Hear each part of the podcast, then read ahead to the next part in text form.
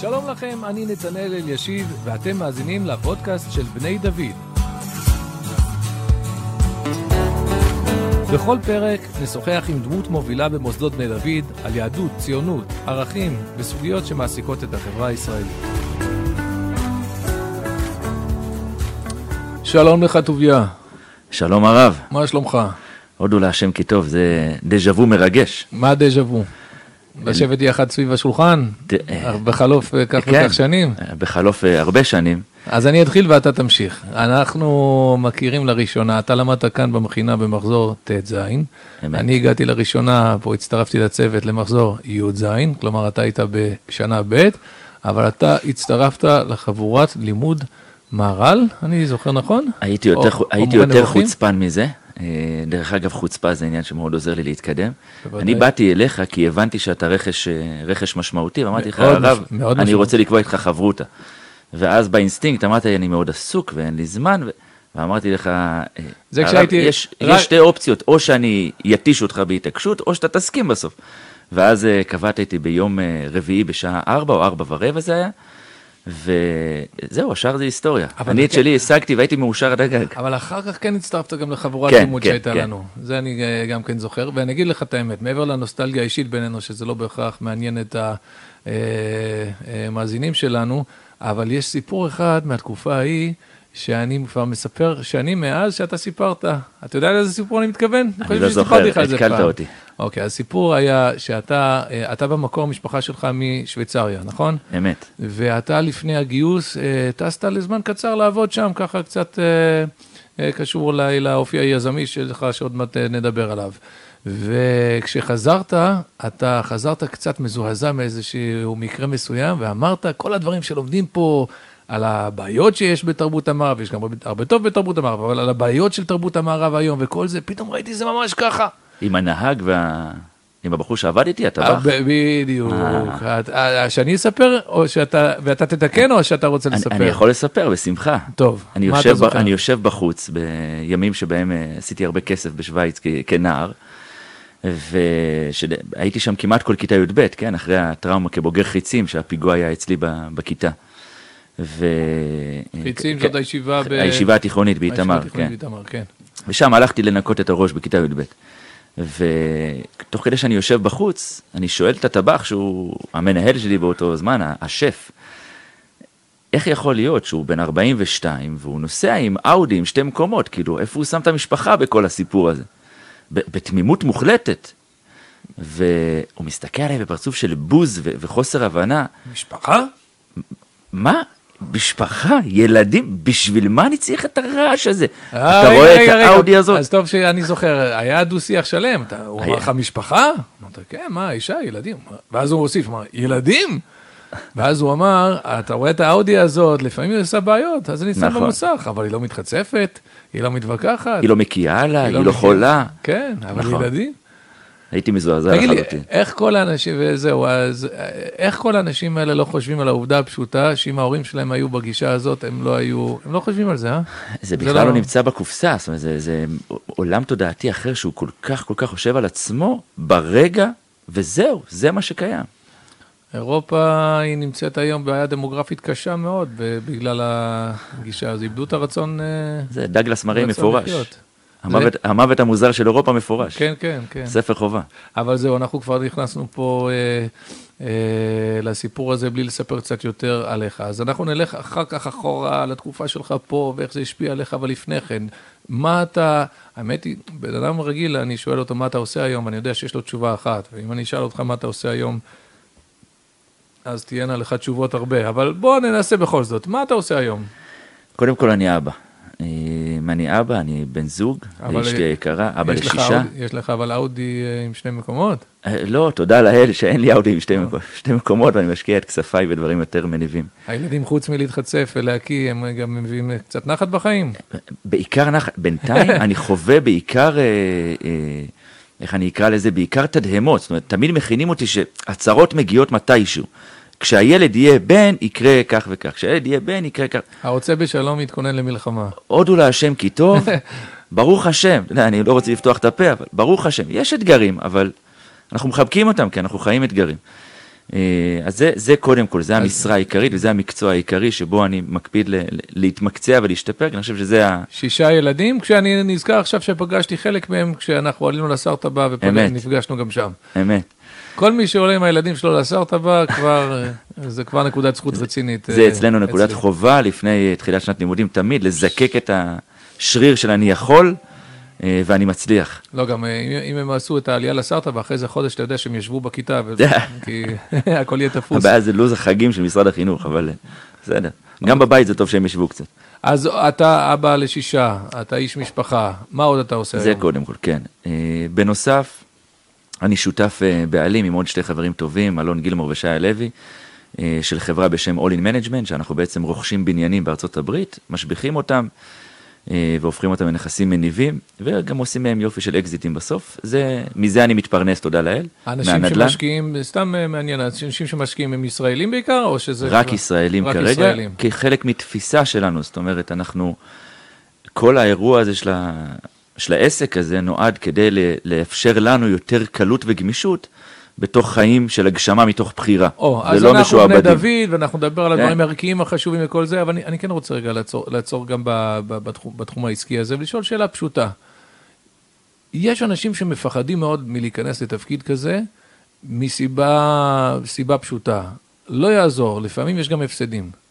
והקטע הזה של לשכנע מישהו להשקיע, ואחר כך, אה, אלא אם כן תגיד לי שגם בתחום הזה אתה בינתיים רואה רק הצלחות, אבל מישהו שבסוף, אה, סליחה על הביטוי, אכל אותה, או לפחות לא הגיע למה ש...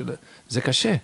וזה זה ש, זה שאתה אומר לו, יש עוד מאה כמוך שכן עזרתי להם, זה לא עוזר לו, הוא בסוף שם את מבטחו בך. אתה דיברת פה על שתי אמונות שאני לא חי איתן. אחד, אה, אפשר להפסיד מזה? זה לא אפשר, מפסידים בזה. בדרך יש מחיר. אפשר לקרוא למחיר הפסד, ואפשר לקרוא לו שכר לימוד, וזה נכון לכל ערוץ בחיים. האם אני מפסיד זמן כשאני באוניברסיטה ואני מפסיד כסף? לא. אני משלם שכר לימוד שמביא אותי ל-X. גם שם וזה נכון בכל דרך, נכון, זה נכון לכל דרך בתואר השני.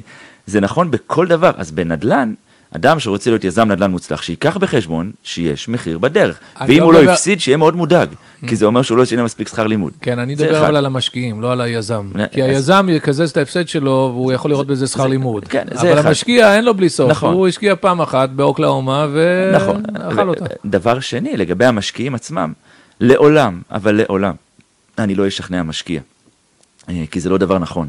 לא מכניסים לאדם להשקעה בתוך, אה, אה, מעולם של שכנוע.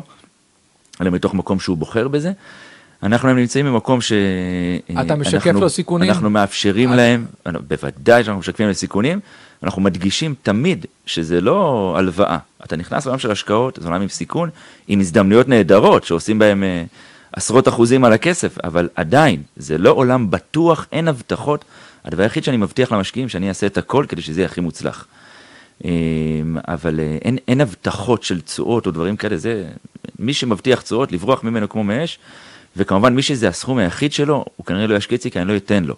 אנחנו היום מכניסים אצלנו אנשים שיש להם 100 אלף דולר, לשכוח מהם, לא יחידים, לשכוח מהם, כדי שהם ידעו שחמש שנים זה בא לעבוד אצלי. Mm-hmm. זה, זה, זה עולם, זה מודל אחר של, של משקיע, אה, לא כל משקיע, אנחנו קבוצה מאוד בוטיקית ו... נהדר, ירבו כמותך, עולם אחר. יושר אה, של לשקף אה, שקיפות, ובעזרת השם גם רווחים. אתה אומר אבל שאצלך כל העבודה הזאת שבטח מעסיקה אותך הרבה, ואצל אחרים זה יכול היה למלא את כל חייהם, זה אצלך רק מה שנותן לך את האפשרות אה, להשתחרר ולעשות דברים שהם יותר חשובים לך לנשמה, אפשר לומר. לחלוטין, לחלוטין. מה הדברים האלה שאתה עושה? טוב, אז דבר ראשון, אני אצטרך לחשוף פה משהו שאני לא אומר אותו ברבים, אבל אני, אני אפתח אותו.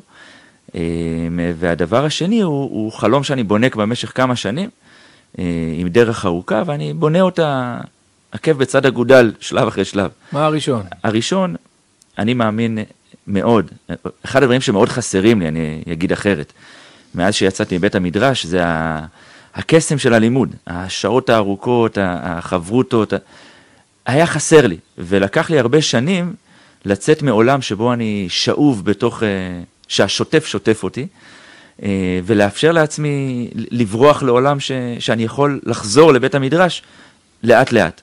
על השירות הצבאי, הרבה פעמים אני אומר לבחורים שהטרגדיה זה שבהתחלה, אתה יוצא ככה מבית המדרש, אתה מאוד תרצה ללמוד, אבל לא יהיה לך זמן, אתה לא תוכל. אין דבר כזה. אבל אחר כך, אחר, בסדר, יחסית למה שהוא רוצה. שלוש אבל, דקות אבל אפשר למצוא בכל תפקיד. אבל אחר כך, כבר הטרגדיה היא שאתה כן יכול, אבל אתה כבר, כבר פחות רוצה. זה, נכון. וזה... ו- אצל... וזה ברוך השם, אני חושב שללא ספק, עצם זה שהצלחתי לאורך הסדיר והקבע, לקבוע עיתים לתורה, פרט לימים בודדים, אני, אין לי ספק שזה היה מנוע שהחזיק בי את הרצון, והנקודה שאתה אומר, אני, אני ראיתי את המפגשים עם חברים מסוימים, ש, שראיתי שנכבה הרצון, וזה נורא. אה, אין ספק, זה, זה, זה האתגר, שלא יתחבא הרצון. אפילו, לפעמים אפילו זה אנשים שהיו, הם רוצים לרצות. זאת אומרת, נכון. כן נשאר להם הרצון לרצות. הם אומרים, הלוואי והיה לי כוח ורצון. זה כן חסר להם, אבל לא מספיק כדי, בסוף זה כבד. אתה יודע, הגמרא שלא פתחת הרבה זמן, זה משקל מאוד מאוד כבד, לפתוח את ה... זה, זה שוקל מאות קילוגרמים, אולי טונה. נכון, למרות שהיום יש בוואטסאפ, אני דף יומי בוואטסאפ. גם אז זה שוקל הרבה, פתאום עם האגודה על זה, זה קשה, קשה, קשה. אני לא, לא, לא, לא מאמין בזה. זה, הקשה הוא כשלא מתמידים, הקשה הוא כשלא מתאמנים, זה כמו בספורט. אני בא אליך עכשיו אחרי 12 קילומטר ריצה. זה קשה? וואלכ, סיימתי, התקלחתי, נכנסתי לאוטו ובאתי אליך. כשמתמידים, אז הדברים נהיים פחות קשים. האתגר הוא ההתמדה, האתגר הוא הדרך, התוצאה תגיע, היא לא מעניינת בכלל. אבל, אבל אני אחזור אחורה לשאלה ששאלת, אז אחד הדברים שקבעתי לעצמי ב, בתוך העשייה העסקית, כדי להתחיל לחזק אצלי את, את עולם לימוד התורה במקביל, אמרתי לקדוש ברוך הוא באיזה אחת מההתבודדויות שאני עושה, אני לומד הרבה, יש לי חברות על ליקוטי מוהר"ן בשנים האחרונות. רגע, אבל אתה גר באזור המרכז, נכון? אני גר בחריש, אז... אה, בחריש אפשר להתבודד. אבל דווקא אני לא לומד... להתבודד. לא, דווקא לא לומד עם חסידי ברסלב, כי הרב שאיתו אני לומד, שהוא גם uh, מורי ורבי מצפון השומרון, הרב עוזיאל, הוא אומר שללמוד חסידות אצל חסידים זה מסוכן, כי הם אוהבים. צריך ללמוד לא אצל חסידים. טוב, אבל... אבל כן. זה נושא בפני עצמו. נכון. אז אני קבעתי עם הקדוש ברוך הוא, שהוא בעיניי השותף הכי בכיר בחברה שלנו, שעל כל משקיע שייכנס אצלי בחברה אה, ב-100 אלף דולר, אני צובע ביומן, אני עובד הרבה מאוד עם יומן של אה, גוגל, צובע חמש דקות ללימוד תורה. מה ייכנס בהם? ייכנס בהם. עכשיו, זה ננעל. רגע, על 100 אלף דולר גם אני מוכן לתת חמש דקות. לא, זה לא חמש דקות באמת, זה חמש דקות כל שבוע. אה, אוקיי. זה נעול. אה, אוקיי. זה אוקיי. הרבה מאוד, זה כמה שעות טובות כל שנה, וזה הולך ומצטבר. וברוך השם, אני לא בגיוס של 100, אנחנו כבר גייסנו כמה מיליונים טובים. אז יש לי כמה שעות טובות בשבוע שהן נעולות. ואז נוצר מצב שאני צריך לייצר לעצמי אה, פתרונות, נגיד בדרך אליך, עכשיו אני שובר את הראש על 15 דקות נוספות שנוצרו. והיה לי שיחה עם אה, הנכד של הרב אליהו, שהוא במקרה רב בבית כנסת שאני מתפלל בו. אמרתי לו, הרב, תשמע, בלי קשר לזה שהתקשרתי אליך, אתה מוכן שנעשה חברותא של רבע שעה? והוא התלהב, אז הנה, מצאתי לזה פתרון, וזה פשוט מייצר לי, יש לי חברותא עם אבא שלי, חברותא עם הרב, חברותא עם עכשיו עם הרב שלה בכנסת, זמני לימוד שלי. חברותות וב... במה? במגוון נושאים? עם הרב של צפון השומרון מליקוטי מוהר"ן, עם אבא שלי בחובת הלבבות, עם הרב אליהו עוד לא החלטנו מה, אבל, אה, אבל ככה אני לאט לאט מחזיר את עצמי ל, לריח שאני כל כך אוהב, של בית המדרש. יש לי זמן, נגיד שצבעתי, שאני שומע כל יום את, אה, את אה, חברי מהמחזור, הרב ירון אדוריאן, שהוא עונג צרוף. לא, זה נורא יפה, כי יש מונח... ולאט לאט נצבע לי היום בתורה, וזה נהדר. בעולם התרומות יש לך מונח של מאצ'ינג, כאילו, שעל כל שקל שמישהו מביא, אז מישהו אחר גם שם גם כן שקל, ואתה עושה מאצ'ינג שעוד לא שמעתי עליו, מאצ'ינג של כסף ולימוד, כשאתה זה שמשלם. אני משלם. וזה יפה מאוד. ואתה אומר שהשותף... כנראה שבע רצון מה, מהשותפות ברוך, הזאת, כי ברוך השם. הוא צובע לך הרבה את היומן. ברוך השם. אז זה נפלא, לימוד תורה, ו, ו, ו, וגם בתוך כל התעלות שאנחנו נלחמים בהן בחיים השוטפים. אבל זה רק דבר אחד. וה, כן, מה הדבר השני שאמרת שאתה בא לאותו עקב בצד אגודל? אמ, אני חושב שהייתי עשור מהחיים שלי מנכ"ל. אם זה מנכ"ל במגזר השלישי כמה שנים, ואם זה מנכ"ל בחברה עסקית, פרטית, בינלאומית, אפריקה, אירופה. אה, ישראל, ארה"ב, נתקלתי שוב ושוב במשהו שהטריף אותי, שבכל מקום שאנחנו נמצאים אנחנו רגילים לתוכניות עבודה. אנחנו רגילים. ליעדים, למטרות, לפרק את זה. אנחנו מקצועיים יותר כמה שאנחנו יודעים לרדת לרזולוציות, לתחקר את עצמנו. ואז יש מקום שאנחנו מגיעים אליו בסוף היום, והכל צריך לקרות בו מאליו, שזה הבית. הזוגיות היא תעבוד. כלומר, זאת, um, זאת הטעות, שאנחנו חושבים כן, ששם כן, אנחנו בטוחים שהכל צריך לקרות. לא משקיעים, בזה לא משקיעים. ברור שהוא יעבוד, הכל אמור לעבוד. ו- ולמה? מה, מה דופק לנו את הקופסה בסיפור הזה? עכשיו נכון שאנחנו ציבור, שאני לא אומר תודעה מאוד גבוהה על זה, אבל יש לנו בניין שלם כבר שנים, ובטח הבוגרים של בני דוד. לא, אז... לא, לא כולם יודעים על מה אתה מדבר. בניין שלם, אתה מתכוון למכון בניין כן, שלם. כן, של הרב. תירוש של... והרבנית תירוש. כן, ושזה נועד שנים. לחזק ולטפח אחרי משפחה. כן, ו... כן. ברוח התורה. שמתחזקים את השריר הזה שקוראים לו זוגיות, קוראים לו הורות, לפחות בהשתלמות אחת לשנה. אבל בציבור הכללי נדהמתי שהתחלתי לשאול אנשים ורשמתי לעצמי בנוט שלי. על, על uh, כמה אנשים אני שואל, ועברתי יותר מ-200 איש, ושאלתי אותם, תגידו, מהיום שהתחתנתי ועד היום, אנשים שנשואים לפחות עשור, כמה השקעתם, כמה השקעתם במקצוע שקוראים לו הורות או זוגיות? כמעט ב-100%, התשובה הייתה אפס. וזה מדהים, הרי כידוע. זה הקריירה העיקרית, זה הנכסים הכי מניבים שלנו בחיים, זה מה שיעזור לנו כשנהיה זקנים, איפה אנחנו? כידוע לך, אני כתבתי לאחרונה ספר שעוסק ברצח רבין, ולכן כל נושא מזכיר לי משהו, קראתי כל כך הרבה חומרים. הוא אצלי ליד המיטה כבר. אז, אה, אה, אז אני נזכרתי, אה, תודה קודם כל, אבל אני נזכרתי שקראתי, צפיתי בדיון בכנסת על הסכמי אוסלו המקוריים, ואני זוכר את אריק שרון, שם מנתח את כל הסכנות שבהסכם, והוא אמר שם משפט, אתם פה מנסים לפתור את הנושא הכי חשוב בחיינו בדרך הכי לא רצינית. אה, בדרך הכי לא, לא, לא רצינית, משהו כזה, לא ציטוט אה, מדויק. אתה אומר, הנושא הכי חשוב בחיים של כל אחד זה בסוף הקן המשפחתי, ושם השקעת המשאבים היא מינימלית. זה כאילו העודף נשאר, אחרי שאתה משקיע בעבודה ובדברים שמעסיקים אותך כל היום, ושם אתה מצפה שזה יקרה כמובן מאליו, ולא לא כך צריך להיות. ויותר מזה, לפעמים אפילו, אתה יכול להיות אנשים שהם יגידו לך משאבים מהבית, ברור, מלא. אבל זה, זה, זה לא שם. זאת אומרת, בן אדם יכול להגיד, אני מלא זמן עם הבן שלי. כן, אתה עם הפלאפון שלך או עם הבן שלך? אתה באמת עם הבן שלך? אתה מסתכל לו בעיניים, אתה בגובה שלו? אתה איתו באמת? זה עולם אחר. Mm-hmm. ו- ו- ואנשים בטוחים שהם משקיעים, תשאל אותם, אתה חושב שאתה משקיע, לפני שתשאל את השאלה כמה זמן הוא מקציע, משקיע במקצוע, האם הבית חשוב לך? ברור. האם אתה משקיע בזה זמן? בוודאי. האם מספיק? לא. האם המקצוע? הופ, הופ, פה מתחילים כבר לזוז באי נוחות. וכשהיית ילד, אתה ידעת טוב מאוד כמה חסר לך, לא תמיד אה, כל אחד יודע להגדיר את זה במילים, אבל הרגשת בדיוק כמה שזה חסר וכמה מבוגרים האלה הם לא מבינים, והבטחת לעצמך שכשאני אבא, אני כן אדע, אבל הקדוש ברוך הוא, לא יודע, הקדוש ברוך הוא, היצר הרע, אולי משכיח מאיתנו, ואנחנו בתור מבוגרים, אני רואה שאני נלחם בזה כל הזמן, לזכור את הפרספקטיבה של הילד ואת מה שהוא צריך ואיך הוא חווה את זה, זה, זה קשה. את, את האמת, אני, אני לא, לא היה לי זיכרון ילדות כזה, כי זכיתי בהורים, בלי עין הרע. אבא שלי לא היה כמעט בבית, אבל היה המון. אה, אולי זה מה שזכור לי, זאת אומרת, הוא היה כראש ישיבה בעפולה, הוא המון לא היה בבית, אבל הוא היה המון. אין לי איך להסביר את זה, הוא פשוט היה המון. ו- והזמן המשפטי היה זמן איכותי מאוד. אה, וגם היום, כשהוא רב אה, של העיר קל מגרמניה, הוא נמצא המון בבית, והוא לא נמצא. איך? והוא, הוא נמצא, הוא נוכח. נוכח. ו- ו- וזה אירוע שהוא מאוד תודעתי. ו... אז, אז מה אתה רוצה לעשות עם זה? את הבעיה ניתחת. אני כבר עושה. מה אתה עושה עם זה? אה, מה שאני עושה עם זה, אני עובד עכשיו על שלושה ערוצים אה, בינתיים. אה, רק שלושה? בינתיים, בינתיים.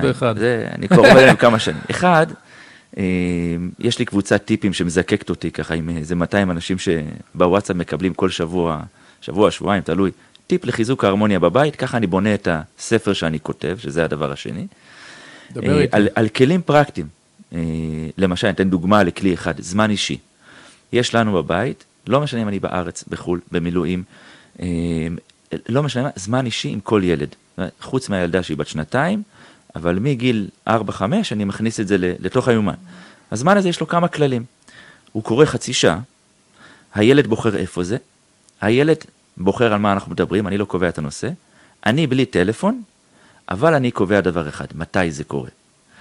ופה זה מאפשר לי את הגמישות שלי כאבא. זאת אומרת, mm-hmm. רוב הפעמים הזמן הזה הוא בין שש וחצי לשבע בבוקר. ילד תמיד יודע להגיד על מה הוא רוצה לדבר, לא, אין מצב שהוא אומר, לא יודע, אין לי מה... יש המון ילדים שהם לא, לא, לא במהירות אה, בהתחלה לא, אבל כשהילד יודע שביום שלישי בשש וחצי, כשאבא יחזור מהתפילה אחרי האימון, אז זה הזמן שלו עד שבע, הוא גם יחכה בבית ער, או בחוץ כשאני אחזור מהתפילה, ניכנס לאוטו והוא יגיד לי, תקשיב, נוסעים לסבתא עוגייה, זה המאפייה המקומית, מתיישבים, והוא יפרוק את מה שיש לו, כי הוא יודע שזה קורה ביום שלישי בשש וחצי. ברור. אתה בעצם פה מיישם, אחד, הזכרת את בניין שלם, אחד אחת העצות הגדולות אה, שלהם, שהם תמיד מנסים לקדם, זה השיחה השבועית בין איש, שיחת עומק בין איש לאיש, לאשתו, כן. יש להם ב, טכניקה וזה מעולה. בהדרכת חתנים, בדיוק, אני תמיד מדבר, מדבר על החשיבות של זה. אתה אומר, אותו דבר צריך לעשות עם הילדים, עם ולא עם הילדים, עם כל ילד אישי. עם כל ילד, ואז זה הולך ומשתבח. עם השנים, יותר מזה, זה גם עוזר לדלג על הרבה מאוד קרייססים. יש לי ילדה מתבגרת. מדהים, אה, אגב, כמה ש... חמש דקות עם ילד באופן אישי, זה שווה לו יותר מאשר שעה של כולם. זה חצי שעה.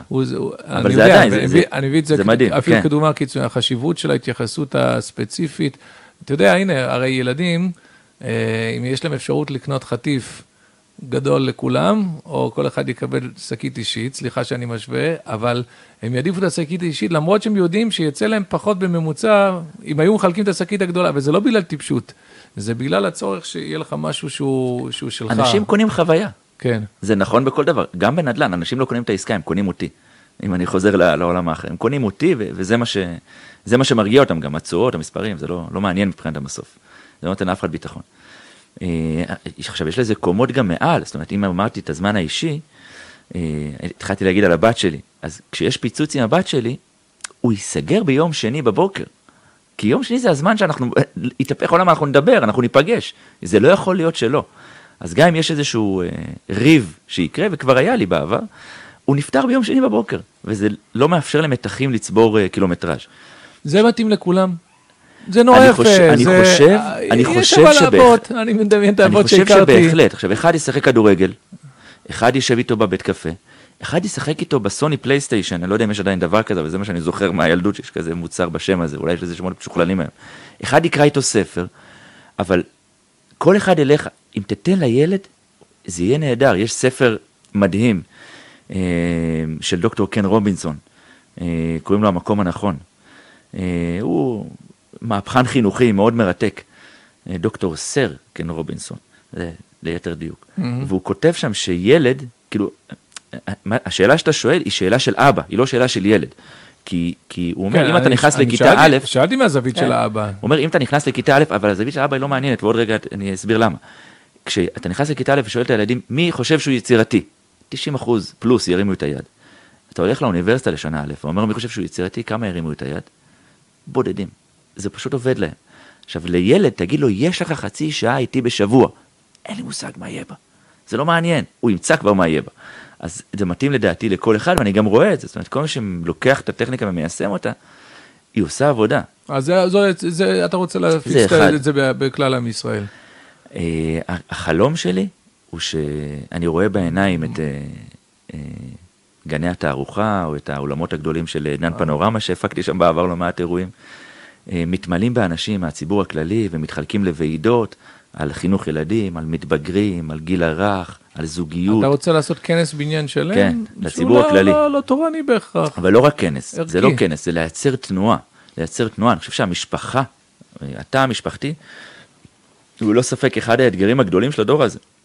הרי ברור מה קורה כשאין כן, תא משפחתי. אני מרגיש שאנחנו שורפים יותר מדי אנרגיה במאבק בכל מיני צורות משפחה. זה לא מאבק.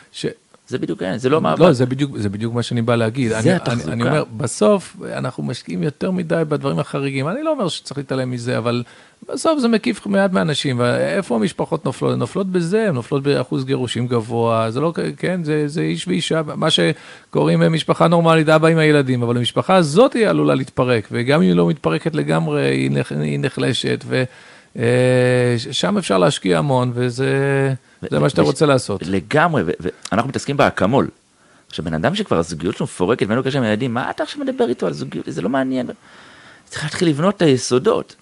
עוד... גם, אתה יודע, אני, אני שומע לפעמים דווקא מהורים אה, גרושים, במיוחד מאבות, אז הם מבינים פתאום שהם צריכים להשקיע בקשר עם הילד, והם מגלים את זה והם אומרים, חבל שלא עשינו את כל זה, ואולי אם היינו עושים את כל זה, האווירה במשפחה הייתה שונה כבר כבר קודם. חבל לגלות את הדברים האלה בעקבות משבר. זה כמו, בדיוק כמו שבמערכת הבריאות צריך לעסוק בטיפוח הבריאות עוד יותר ממה שנאבקים במחלות, אז uh, ככה גם בתחום המשפחה. נפלא. אני אתן עוד דוגמה. כן. היו, היו לי לא מעט דברים ש, שהיה לי בשנים הראשונות של הנישואים, הרבה מאוד אי הבנות עם אשתי, בתאומי לוז. בטח אנשים עסוקים חווים את זה לא מעט. ובעבודה ברור לי שיש ישיבה ביום ראשון בבוקר. והתחלנו להנחיל בבית ישיבה משפחתית במוצאי שבת, ששותפים בה כולם, אני, אשתי, הילדים, כולם יושבים ביחד. ושמים, כל אחד פותח את היומן שלו, יש לנו כבר ילדים, חלקם עם פלאפונים כבר, חלקם לא, אז אחת כותבת מקשקשת, אבל יושבים וכותבים, אני ביום הזה ככה וככה, אני ביום הזה ככה, ביום הזה אל תלך לחבר, צריך אותך פה, בבית, לעזרה. אני ביום הזה אגיע מאוחר, אני. מי מוציא את הילדים? חוסכים כל כך הרבה תקלות בחצי שעה של ישיבה, למה לא? עכשיו זה נשמע, יש לך גם לא הרצאה, גאונות. יש לך גם הרצאה שאתה כן. רץ איתה, כן. בוא, בוא תספר לנו על זה כדי שיוכלו להזמין אותך. ההרצאה הזאת נבנתה מתוך, אה, דווקא מתוך כאב, זאת אומרת, אה, אני חושב שהטריגר הגדול ש, ש, שהוציא אותי לעבודה הזאת, כן? אה, הטריגר הגדול שגרם לי לקחת ולהפוך את זה להרצאה, הוא דווקא היה משבר אישי שחוויתי, זאת אומרת, חווינו משבר זוגיות לא קל לפני כמה שנים. ו, ו, וזה מה שנתן לי את הזבנג, שאמרתי, איפה אני טועה? ומשם התחלתי לנוע לכיוון שאני מתחיל לבנות טכניקות, אה, שהן בכלל היו לעצמי, ואז אמרתי, בואנה, זה פשוט מיותר. וההרצאה הזאת בעצם מפרקת את כל, ה, את כל המבנה הזה שקוראים לו בית, אה, לתוך כלים פרקטיים, יישומיים, שניתן למדוד אותם בתוצאות בעיניים, והם משלבים גם טכניקות, גם דברים תודעתיים. אה, תן לי לנחש. ברמה זאת, מאוד פשוטה. זאת מצגת? אה, זה, אני לא יודע אם לקרוא לזה מצגת, כי אני כמעט ולא עובד עם המצגת, אבל יש בה הרבה מאוד תמונות, זאת אומרת אין בה כמעט מילים. כן. אה, אני מדבר, מספר, משתף. כמה זמן ההרצאה? שעה ורבע. שעה ורבע, למי מתאימה? לכל מקום שיש בו הורים מגיל ארבע ואילך. אה, אני חשבתי שהיא מתאימה לגיל מאוד ספציפי של הורים, אבל עם הזמן אני מגלה, אומרים לי, אתה צריך להגיע לקהילה שלנו, אתה צריך לדבר עם הורים למתבגרים, אתה צריך לדבר עם הורים לגיל הרך. קיצור, אני חושב שזה מתאים לכל הורה. אתה תיסע לשדרות? אני אסע לכל מקום. אתה תיסע לכל מקום שמזמינים אותך? לכל מקום, בטח, בטח. וגם אני גובה את זה, אני לא אגיד את המספרים, אבל כמעט מחירי עלות, כי זה השליחות בעיניי, זאת אומרת, זה... אני עושה את הנדל"ן כדי שיתפעל לי הזמן לזה וללימוד תורה. אני לא, רוצה לחשוף, אני לא רוצה לחשוף את מספר הטלפון שלך, מי שיגגל טוביה ברוקנר, הוא ימצא... אתה יכול לחשוף, אין שום בעיה. זה לא סוד. טוב, בקיצור, מי שאפשר למצוא אותך? בוודאי, גם בפייסבוק, גם ב... מעולה. בכל מקום. מעולה. טוב, אז כיוון שאתה עדיין עם הרבה זמן פנוי, אז אני מבין שאתה גם אה, אה, עומד לקבל אחריות על גדוד מילואים? אה, כן, כן, אירוע מרגש שלא דמיינתי שאני אגיע אליו מתישהו. מג"ד במילואים, וואי, כן. אתה זוכר מה זה היה המג"ד? אני זוכר שבמסלול היה לנו מפקד של הב"ח, של המ"ח קראו לזה, מחנה האימונים החטיבתי, והוא כינס את כל החיילים, אמר, מי רוצה להיות מפקד? ונעמדתי, מי רוצה להיות uh, קצין? חלק התיישבו, מי רוצה להיות מ"פ? עוד חלק התיישבו, מי רוצה להיות מג"ד? ונשארתי לבד. אה, ואז הוא שואל אותי, אתה יודע מה זה להיות מג"ד? אמרתי לו, אין לי מושג, אבל אני רוצה. איזה יופי. וזהו, משם זה... אתה שירתת את השירות, אז בוא, בוא נחזור טיפה אחורה. אז למדת כאן אה, במשך שנתיים במכינה. אחרי זה התגייסת לשריון? שנה וחצי התגייסתי לשריון, 401. עשית קורס קצינים, אבל, אבל אה, את המ"פים כבר עשית במילואים, נכון? מ"פים כבר עשיתי במילואים, אה, כן, ומשם התקדמתי, זאת אומרת, הגעתי למילואים כמ"מ, סמ"פ, מ"פ, כאילו חזרתי אחורה, מה שמאוד בריא לכל מי שהולך למילואים. אז אתה תהיה מפקד גדוד שריון? היום כבר אין דבר כזה גדוד שריון, זה, זה לא באמת גדוד שריון, כי זה צק"גים, זה צוותי קרב, זאת אומרת, אז נכון, יש לי שלוש פלוגות שריון, אבל יש לי יש שתי פלוגות חי"ר. בסדר, יש לך טנקים. יש טנקים, אבל זה צוות קרב. אני החי"רניק הכי אה, מורל, אבל בסוף כשהיינו בקווים, אה, אנחנו, בוא נגיד ש... אני לא אמור לספר את זה, אבל היה איזה קו שבו כל פעם שהייתה איזושהי התראה רצינית, זה היה רחוק בעזה וזה, קיצור, הטנק הוריד את המחבלים, ואחרי זה היה כתוב בעיתון. והקרדיט הלך לגולני. שהצנחנים, לא. אה, לצנחנים. כן, שהצנחנים הוריד, לא. אז בכל מקרה, אה, אה, אז אתה נכנס לתפקיד של, של מג"ד במילואים, ואני יודע, אתה יכול לספר לנו קצת, אני יודע שיש לך סיפור שאתה מלווה אותו באופן אישי הרבה זמן, של קצין אצלך, ש... כן, שהוא חלה. סיפור שלא בחרתי בו, אבל נשאבתי לתוכו, יש לנו, אני קורא לזה מבצע אלכס, אה, חבר שהיה מ"פ איתי ביחד וחלה בסרטן, קשה מאוד, שמהרגע הראשון, אני הייתי חבר מאוד טוב שלו, אה, הבנו שהסיכוי להחלמה הוא 3 אחוז, אמרתי לו אז באותה שיחה, ומאז נצרב שכנראה נרוץ ביחד במאבק, אז אמרתי לו, שלוש אחוז זה נהדר, אה, זה מה שצריך כדי לנצח, או, זה מזכיר לנו את הקרב. אה, ויצאנו לדרך. היום אחרי שלוש שנים חצינו כבר את התחזיות הפסימיות, והוא בחיים, השם. אבל זה מאתגר אותי, מאתגר אותי, אותנו, את החברים, להמציא מחדש כל פעם דרכים איך לייצר, אה, אה, לייצר דברים שיניעו אותו, למרות המצב הקשה, ובשנתיים האחרונות, אחד המפעלים המרכזיים שאנחנו עושים, זה, אפרופו לימוד, זה מפגשי לימוד כל שישי, בין שמונה וחצי לתשע בבוקר, כשכל פעם אני מביא פרסונה אחרת, אה, מהעולם הפוליטי, החברתי, הצבאי, אה, מרצים בו מכל, מכל, מכל הסוגים, בכירים לכל, לכל מגוון, וזה מפעל בפני עצמו שהוא לתחזק כל שישי שיעור כזה, זומי. אה, זה ככה מפעל מאוד מרכזי אצלי ב... אז זהו, מכל המפעלים והיזמויות... וכמובן שאני אצלו כל שבוע, זה... מכל, כמובן, זה לא מובן. מכל המפעלים והיזמויות, זאת, זה, זה אולי הדבר הקשה ביותר, ופה אני רוצה לקבל ממך קצת, אה, קצת אה, תובנות. לצערי, כשמישהו, משהו קשה נופל עליו, בין אם זה, זאת מחלה, ובין אם זה אתגר כלכלי, משפחתי, לא יודע. יש הרבה אנשים שמתרחקים, לא בגלל אה, שלא אכפת להם, ההפך, מאוד אכפת להם, אבל הם לא יודעים איך להתקרב. מתחילה גם איזושהי תחושה שממש, היא נראה לי יצאת היצר של, טוב, אני לא מספיק חבר קרוב, וזה אצלו אישי, אולי, לא, לא יודע. זה אנשים בסוף מתרחקים ממי שיש אצלו את הצרה, למרות שמאוד אכפת להם, ויכול להיות שהם כל יום ידברו בבית על הסיפור שלו, כי, כי, כי מאכפתיות, אבל, אבל מה, מה התובנות, איך להתקרב, איך לא לקחת, לקחת את הצד, אתה יודע מה אני מדבר בכלל? זה מדהים כמה שאתה צודק, בהחלט, בהחלט. אני, אני חושב שכמו איך בכל... לוקחים את הצד קדימה ולא את הצד אחורה? אני, אני חושב שכמו בכל דבר, וזה נכון כמעט לכל תחום, אה, המשחק הוא לצמצם לצמצם את המרחק. אם זה בכלים מלאכותיים, אם זה בכלים תודעתיים, פיזיים. עכשיו, הלימוד השבועי הזה, הוא יוצר טריגר שכל שבוע אנחנו מתעסקים באלכס, אנחנו נפגשים בזום, עד לפני שלושה חודשים שהוא עוד היה יכול אה, אה, לתקשר, גם הייתי נוסע אליו, מעיר אותו, מתיישבים מול המחשב ביחד, אנשים היו רואים אותו, הוא היה אומר, מגיב לאנשים. אה, אז זה מצמצם את המרחק. זה א', צריך לצמצם את המרחק.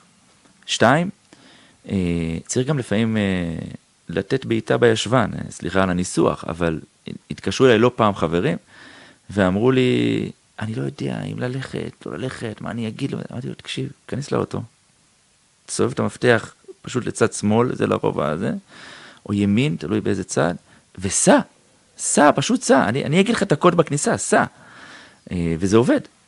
אה, עכשיו, לפעמים צריך להצמיד לו חבר נוסף, ואז שהוא ייסע, לפעמים צריך לייצר אירוע, אבל אה, בוודאי שלא לשפוט את אותם אנשים, כי, כי מה שאתה מתאר הוא, הוא תופעה טבעית לחלוטין, ו, וכמה שמצמצמים את המרחק, אם זה דרך אירועים, אם זה דרך מתווכים, אז, אז קל יותר לצאת החוצה ו- ולייצר את זה. הרבה פעמים אבל יש תפקיד בדיוק לאדם כמוך, שהוא זה שמאפשר לאחרים שנורא רוצים, אבל הם לא יודעים איך ליזום. זה אולי תפקיד של יזם באופן כללי. אה, לייצר תנועה. כן, כן. לייצר כן. תנועה, זה, זה, כן, זה נכון. אתה, אתה בעצם פותח את הפלטפורמה. אני, אני הרבה פעמים הרגשתי הקלה בחיים, שהיה מישהו שעזר לי, כן. ל, ל, לא, לא ידעתי לבד איך לעשות את זה, וזה גם כן uh, תפקיד חשוב. וואו, יש לך, יש כמה דברים, בזכות זה שאנחנו בקשר יחסית לאורך השנים, אז אני יודע עוד כמה דברים מעניינים עליך, השאלה אם זה בסדר שאני אעלה אותם. אתה יכול לחשוף הכל, אני, אני לא איש של סודות. לאיש, אה, אה, פשוט היה לנו, אה, הייתה לנו היכרות משותפת בזכותך עם עורך דין מפורסם, שהוא היה...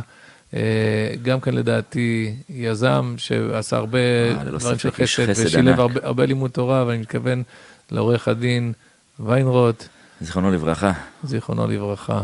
אה, איזה, איזה איש, זה זכי, איך, איך נוצר ביניכם הקשר? הקשר שלי נוצר זה, זה שהוא מאוד אהב ספרים של הרב קשתיאל, ואני, בקיצור, בסוף כן. הוא הזמין הרבה, הרבה ספרים. אה, ש...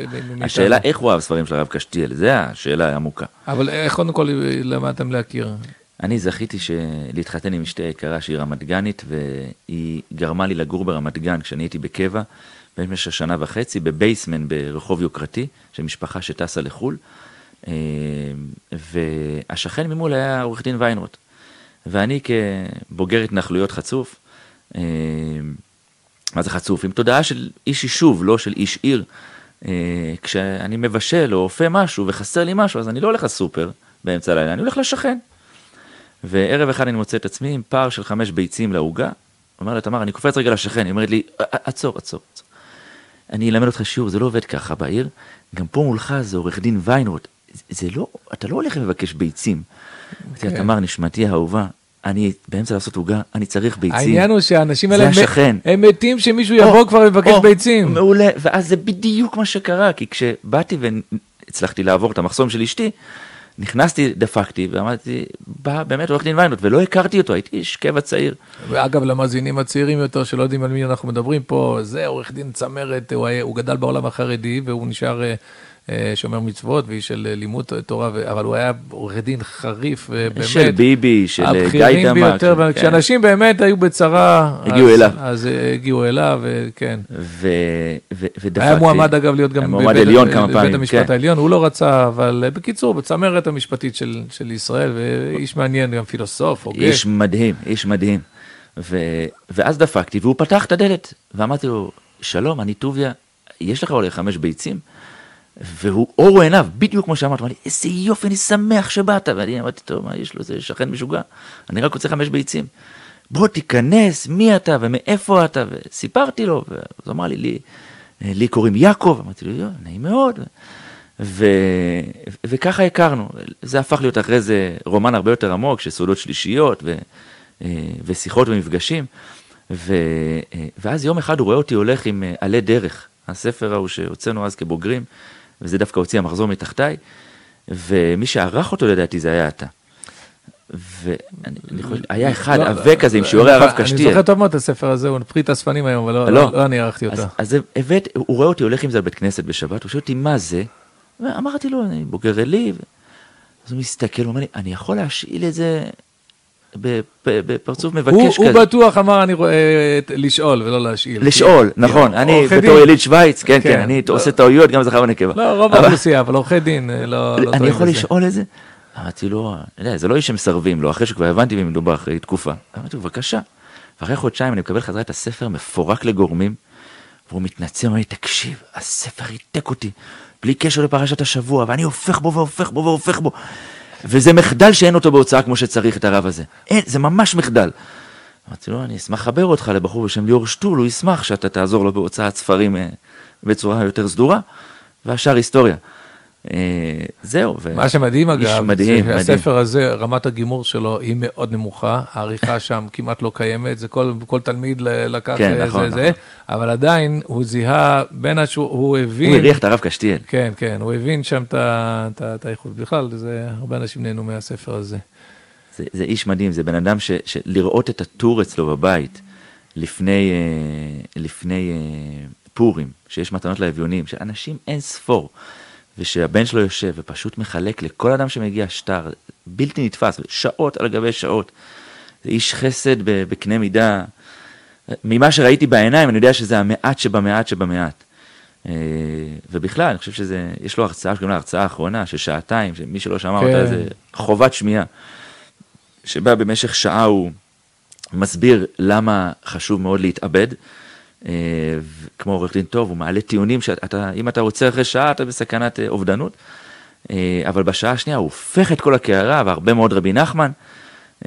כן, זה... ומסביר את הפשטות והמהות של החיים, שדרך אגב, בשבעה עליתי אליו לחדר והופתעתי לראות את כמות הרבי נחמן שמסתובבת אצלו. זה ב... בדיוק מה שהפתיע אותי, אם יש, הוא כל כך בן אדם שכלתן, וזה, ורציונלי, וגם, אה, הוא תמיד היה נראה קצת במאבק, ב, ב, ב, כאילו הוא תובע. בתו, אה, כן? וגם סתם בשיחה אישו, היה כזה קצת בולדוג. ו... זה הדבר שהכי הפתיע אותי בהרצאה היא שבאמת אה, צפיתי בה לפני שנים רבות, זה הקשר לחסידות ולרבי נחמן. ו... זה הרבה שכל, רבי נחמן זה המון שכל. כן, כן. יפה מאוד, יפה מאוד. היה לנו עוד ממשק אחד, אנחנו לקראת סיום, אבל היה לנו עוד ממשק אחד שאני אשמח אה, קצת אה, לשמוע מהניסיון שלך. וזה כשאנחנו אה, נפגשנו באוניברסיטת תל אביב. תל אביב. אני הייתי בתואר השני שלי במדיניות ציבורית למנהלים.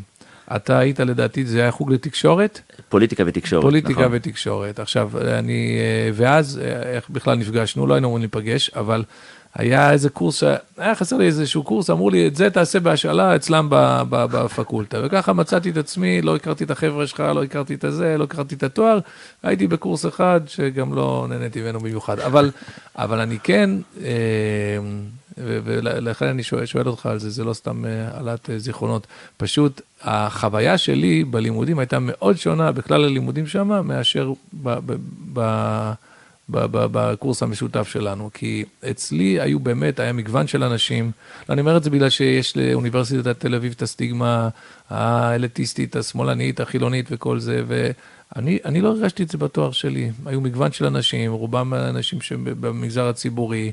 המרצים, בוא נגיד שאני לא מאמין שיש שם מישהו שהצביע לימין, אבל זה לא בא לידי ביטוי, זה לא היה שטיפת מוח, זה לא היה, זה לא יודע, באמת לימודים מאוד טובים ונחמדים. אבל שם, שם אני ראיתי קבוצה שהיא, וזה, אגב, זה מדאיג, בגלל שזה חוג לתקשורת, זה אלה העיתונאים של העתיד. אני ראיתי בקבוצה שלך, לא, לא חושב שאף פעם אמרתי לך, לא יודע, היו מאוד מאוד, אה, אה, יכול, יכול לנמק למה אני אומר את זה, אבל אה, כולם היו נראים צבועים בצבע אחד, היה נראה מאוד שמאל, מאוד זה, ההרצאה הייתה ככה, ואתה היית בעצם יוצא דופן בתוך הקבוצה הזאת. זה, על זה אני רוצה שאתה תספר, קודם כל אני צודק בניתוח? אתה צודק לחלוטין. אוקיי, אז...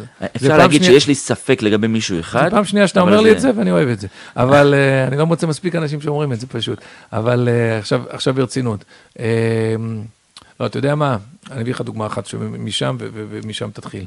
Uh, הייתה הרצאה אחת, אני לא זוכר מתי נכחת בה, אבל uh, זה היה ב... כש... כשטראמפ פעם ראשונה התמודד. ואז המרצה הייתה ככה מזועזעת, ואז היא אמרה כזה, טוב, אין פה אף אחד שתומך בטראמפ, נכון? ואז היא אמרה, אוקיי, יופי, והמשיכה. עכשיו, אמרתי בליבי, בלי להסגיר אם אני... במי הייתי, אמרתי, נגיד שיש פה מישהו שכן תומך, מי מעז להגיד, זה גם לא חשוב, אם המרצה ככה אומרת וכל האווירה היא כזאת, מי יעז בכלל להגיד, רגע, אני כן תומך, לא יודע להביא את הצד השני, זה כאילו מניחים לך את ה... אז, אז אני אשמח אם תספר על החוויה הזאת, ועל להיות לבד בתוך זה, ו, ואולי זה יהיה טיפ לאנשים שמוצאים את עצמם בסיטואציה כזאת. אני חושב שאת הסתירה קיבלתי מאוד מהר בקבוצה הזאת. אה, זה היה בשיעור הראשון כבר, שנכנס אה, פרופסור אמל ג'מאל, ראש החוג, אה, ואני הייתי, לדעתי, באמת אותו דתי, ימני, די בודד במערכה, ואני יושב לי שם באוניברסיטת תל אביב, והוא מתחיל, הוא שאל איזושהי שאלה, ואני הבאתי תשובה לשאלה שלו מהתנ"ך. ואז הוא מסתכל עליי ואומר לי, מה השם? אמרתי לו, טוביה, אתה יודע שזה לא מקור אקדמי. ושם הבנתי, ברוך הבא למציאות של האקדמיה בתל אביב, אה, ואמרתי לו, אז מה אם זה לא מקור אקדמי? זה אפילו לפני האקדמיה. והוא נכנס לשיח שהבנתי שצריך להכין את עצמי יותר, יותר טוב לא, לאירוע הזה, כי, כי זה עולם אחר. Mm-hmm. ואני חושב שאוניברסיטת תל אביב הוא בכלל, כל העולם הזה של, של לפגוש את האנשים המאוד שונים ממך. אה, חוויתי אותו גם כשעשיתי את קורס לתיירות משותפת, כשניהלתי מרכז סיור ולימוד, בגבעת חביבה. שהייתי שם, עזוב הימני היחיד, הייתי גם במיעוט יהודי בתוך הפורום. אה, לא, כי, אבל, אבל כי, משהו... הבחורים שלנו חווים את זה כביכול בשירות הצבאי, אבל זה לא אותו דבר, כי לא בשירות לא הצבאי בכלל. ההקשר הוא לא. מראש, הוא הקשר... המ, המחנה המשותף הוא כל הזמן מחבר אותך חזרה, זה, זה קל, פה זה לא. אה, אבל אני חושב שזה לא רק חובה, אה, זה חלק מההתפתחות שלנו כאנשים שרוצים להיות משפיעים, ומרכזיים בעשייה הציבורית במדינת ישראל, בשלל רבדיה. אתה חייב להכיר ולהתחכך עם הציבור הכללי. והציבור הכללי, ובוודאי שמדינת תל אביב היא חלק ענק בו, אה, חלק עצום בו. אני אקח דוגמה הרבה יותר רחוקה. ההורים שלי כשהתחתנו, אז אבא שלי בא מבית מסורתי ואימא שלי מבית יעקב. אז הקהילה החרדית בשוויץ לא דיברה עם אה, אימא שלי במשך כמעט שנתיים בטענה שאיך התחתנה עם הציוני הזה. ואחרי שנתיים אמרו, רבי יחיאל הוא בסדר. עכשיו, זה לא שהוא שונה. כן, כן. הכירו אותו שנתיים, אז הבינו שהוא בסדר. עכשיו, אם הם לא פגשו מתנחל, הם באמת לא פגשו. חלקם היו בצבא, אבל הם לא חיים את זה. אני מבחינתם עב"ם. ואז מה אני מצפה? שיהיה להם אמפתיה, סימפתיה, רצון להתחבר? זה פשוט לא יקרה. ו- וזאת החובה שלנו, זאת אומרת, הבנו את זה כבר בהתנתקות, אבל בעיניי זו זכות אדירה הייתה, כש, כשירד לי האסימון אמרתי, איזה יופי, הנה, יש פה עוד חבורה שהולכת להיות מאוד משפיעה, חלק מהחבורה הזאת היום היא בתפקידים נהדרים, שאני יכול להיות איש הקשר שלהם לעולם הזה. אבל לפעמים מפחידים, את האנש, לפעמים מפחידים את האנשים ואומרים, תשמעו, אי אפשר לשרוד במצב, אל תיכנס למקום כזה. גם הצבא ו... מסוכן, אז תתאמן. Mm-hmm. תבוא כשיר. גם לעשות ספורט זה מסוכן, אז תתאמן בהדרגה. אני לא אומר תצא מהזה ותקפוץ לכבשן האש, אבל תתאמן, תקרא, תלמד. זה חוזר עוד פעם, תקבע עיתים לתורה, תקבע עיתים לתורה, אתה תהיה מחובר, אתה תהיה מחובר, זה יעבוד, בלי לקבוע עיתים לתורה, בלי להתאמן, זה פשוט לא עובד, שום דבר לא עובד על, על, על, על נס. ניסים עובדים על נס, אבל... תכבה אש. דוביה ברוקנר, תודה רבה לך, אני יוצא עם הרבה השראה מהשיחה הזאת, ואם אני, אה, לכאורה דיברנו על המון נושאים שונים, וכאילו לכאורה לא קשורים, אבל הם, הם כן קשורים, כי יש משהו משותף, וזה אני, אה, התובנה שאני יוצא, אה, יוצא איתה מהשיחה הזאת, וגם לגביך באופן אישי, פשוט נראה לי שאיפה שאנשים רואים קירות, אתה רואה פתח. רואה הזדמנות, תמיד. הזדמנות, ודרך זה, בגישה הזאת, אז פשוט מגלים המון אוצרות שכולנו מקיפים אותנו בתחומי העשייה שלנו, ואנחנו לא, לא טורחים להרים אותם. אני מאמין שאין דבר אחד שקדוש ברוך הוא מראה לך בטעות, זה, זה פשוט לא קורה. אז למה שיראה לי קיר? אין בזה היגיון. אז הנה, כל מי שהאזין לזה, שידע שההסכת הזה לא סתם שמעתם אותו, כי אין דבר שהקדוש ברוך הוא משמיע לך או מראה לך, והוא בטעות. תודה רבה. תודה רבה על הזכות. שהקדוש ברוך הוא יצליח דרכך בכל המיזמים, ותמשיך. פשוט תמשיך. תודה רבה. תודה רבה, הרב, הדדי לגמרי. עד כאן הפרק שלנו, תודה שהאזנתם להסכת של בני דוד. אתם מוזמנים לשתף את הפרק עם חברים, נשוב ונשתמע בפרק הבא.